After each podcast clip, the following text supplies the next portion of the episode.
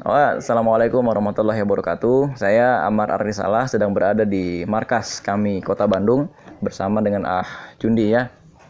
Waalaikumsalam warahmatullahi wabarakatuh. Oke, Ah Jundi ini besok mau aksi. Sebagaimana kita ketahui beliau pernah gitu ya menggalang aliansi aksi kami se-Jawa Barat untuk mengawal eh, proses hukum kepada Wakil Gubernur UU Rushanul Ulum.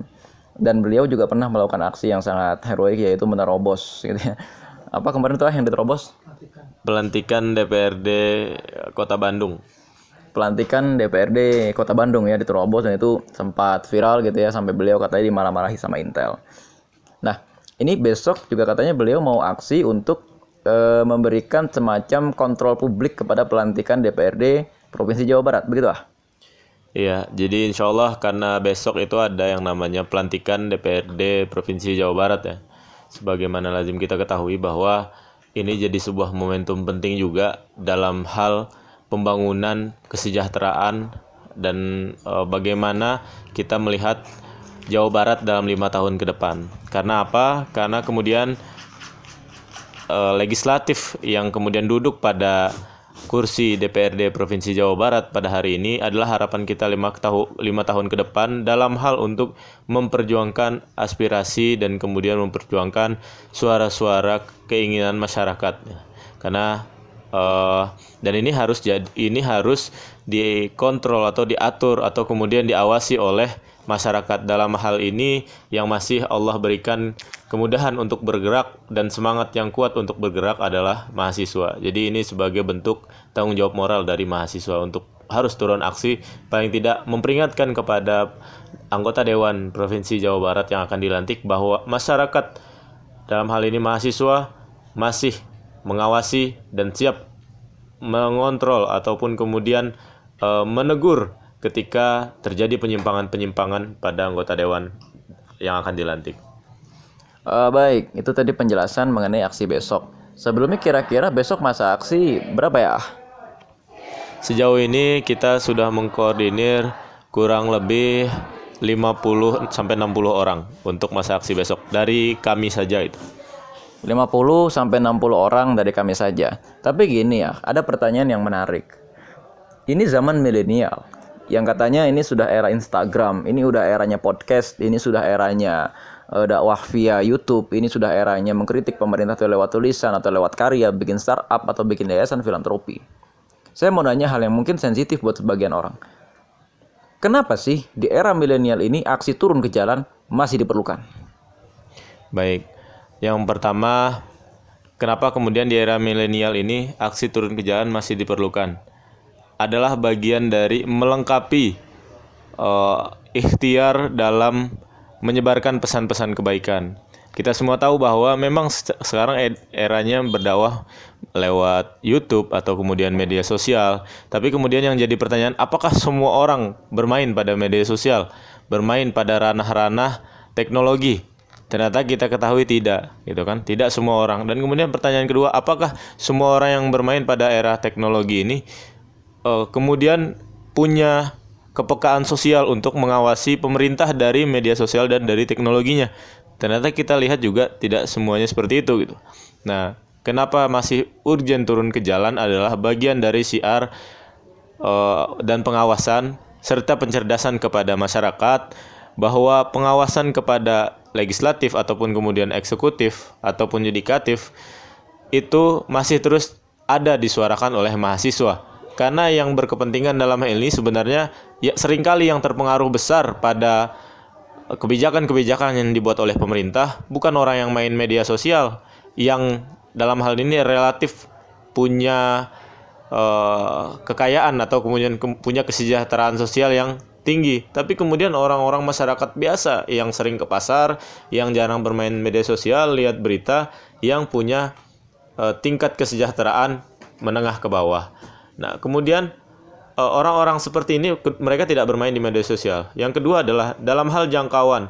Memang betul uh, ketika di media sosial jangkauannya boleh dibilang lebih luas. Dunia maya tak terbatas orang bilang begitu. Tapi kemudian kalau kita lihat ketika aksi ataupun kemudian demo di jalan, maka yang menjadi eh, penonton itu jelas pasti orang-orang di tempat tersebut. Kalau misalnya kita bikin sebuah berita viral dan segala macamnya, penontonnya bisa jadi dari seluruh Indonesia atau dari luar negeri. Tapi ketika kita berbicara isu kelokalan, kemudian berbicara masalah-masalah uh, lokal di sebuah daerah, maka kita butuh orang yang mendengarkan, orang yang tahu adalah orang-orang yang terkait dengan daerah tersebut. Dan itu tidak hanya lewat media. Tentunya cara cara-cara konvensional tetap harus dilakukan karena eh, pasarnya jelas atau targetnya jelas bahwa yang melihat adalah masyarakat di kota atau di provinsi tersebut gitu. Baik, itu tadi penjelasan kenapa di era milenial ini demo masih relevan atau aksi turun ke jalan itu masih relevan. Cuma Bang Jundi ya, ah Jundi atau Kang Jundi manggilin ya. Eh, apa bedanya aksi di tahun 2019 ini dengan aksi di tahun 1999 misalnya? 20 tahun yang lalu dengan hari ini bedanya apa? Yang per, yang berbeda adalah pertama titik start setiap orang dalam memahami sebuah isu atau kemudian sebuah permasalahan. Kalau zaman dahulu yang namanya uh, kita terkait sebuah isu itu kemudian orang susah mencarinya atau kemudian ketika timbul orang akan mulai baru mulai mencari apa permasalahan ini uh, ketika kasus korupsi terbuka gitu ya.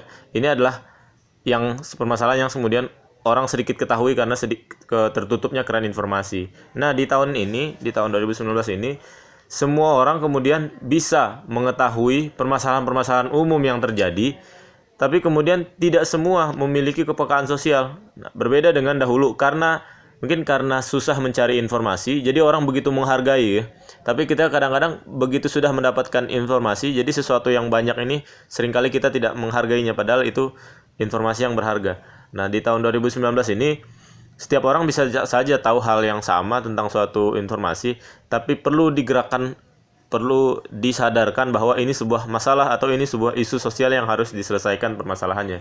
Yang kedua adalah uh, di tahun 2019 ini juga eh, informasi-informasi yang kadang-kadang beredar di media, ya kan, walaupun banyak itu mesti disaring kan.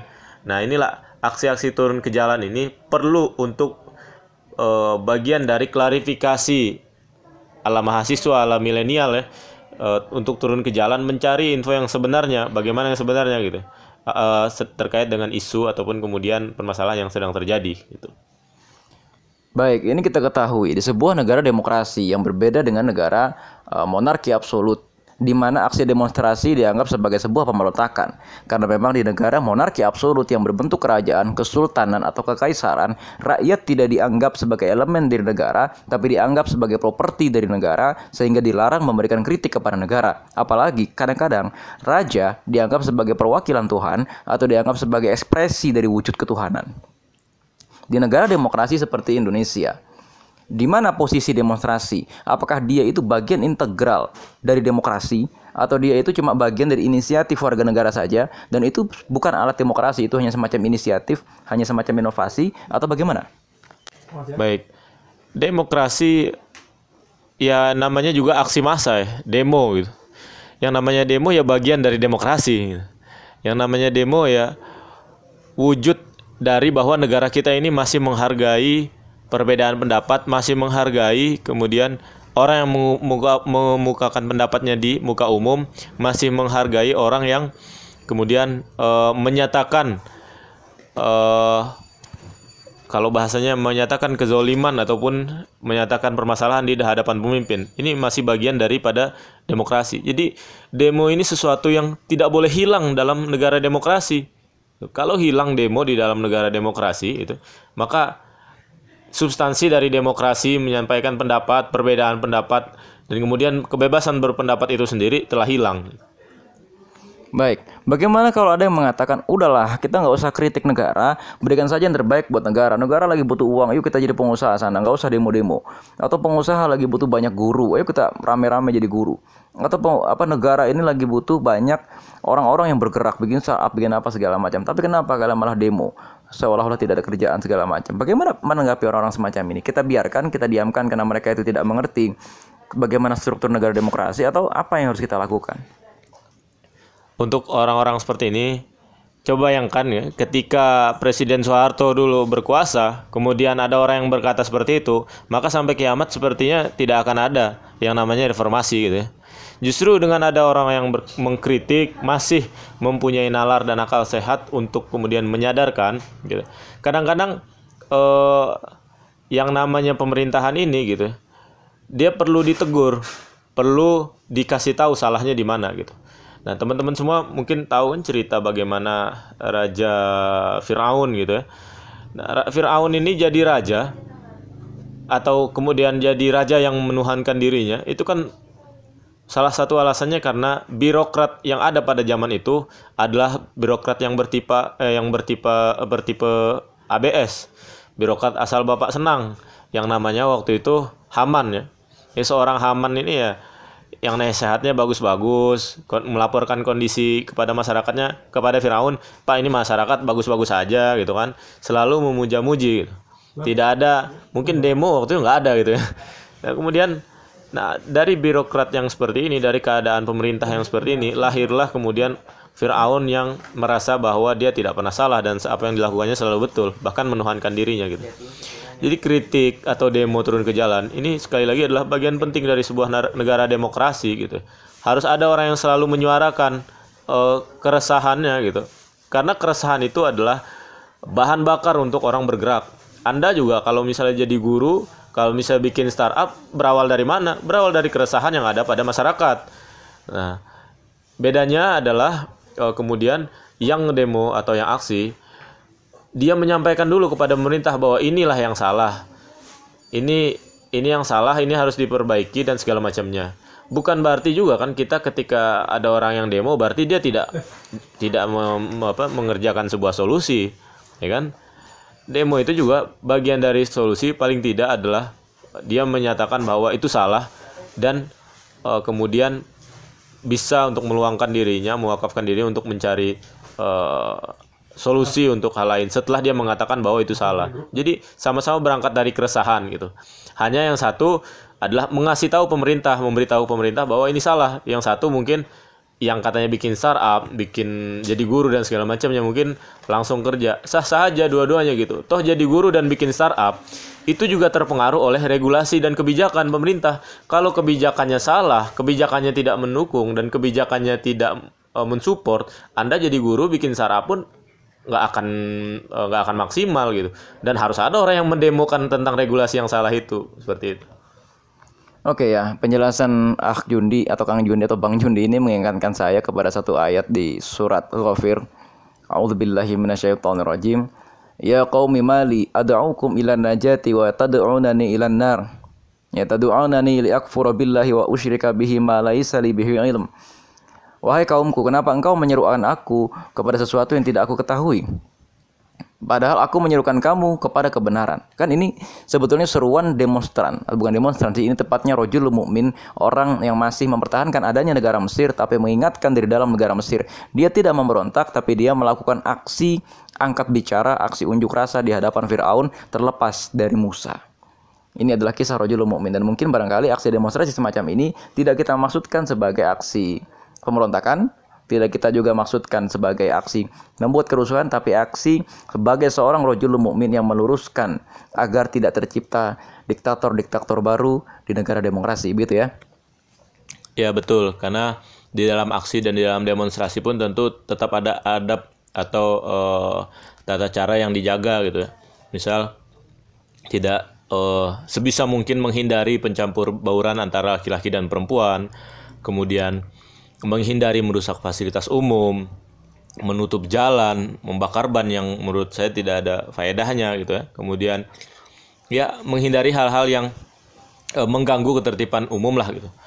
Karena kan eh, di selain hak kita juga kita punya kewajiban untuk memenuhi hak orang lain gitu. Nah ini eh, di sinilah poinnya gitu. Kenapa berbeda aksi demonstrasi de- kemudian dengan pemberontakan. Tentu ini sebuah hal yang berbeda dan kita harus terbuka bahwa aksi demonstrasi itu diperlukan lah untuk negara sebuah negara demokrasi agar pemerintah ini merasa selalu diawasi gitu. Kalau pemerintah sudah merasa tidak diawasi, sewena-wena mau ngapain aja terserah gitu ya. Ya, tunggu sajalah kehancuran karena tidak ada kritik-kritik yang membangun. Baik, berarti demo, demonstrasi adalah kritik yang membangun dan demonstrasi adalah bagian dari keutuhan sistem demokrasi itu sendiri. Jadi ini kita mendapatkan satu kesimpulan yang bagus. Jadi aksi demo, demonstrasi itu diperlukan bukan karena pemerintah itu kemudian harus dikritik, bukan. Tapi kemudian ini sebagai penyeimbang demokrasi gitu ya, agar ada yang menitipkan atau agar ada orang yang menyuarakan aspirasi masyarakat. Nah, itu kira-kira hasil perbincangan kita pada kesempatan malam ini dengan Ah Jundi. Mudah-mudahan aksi-aksi kami ke depannya semakin tajam dan semakin berpengaruh dalam perbaikan bangsa dan negara kita. Assalamualaikum warahmatullahi wabarakatuh.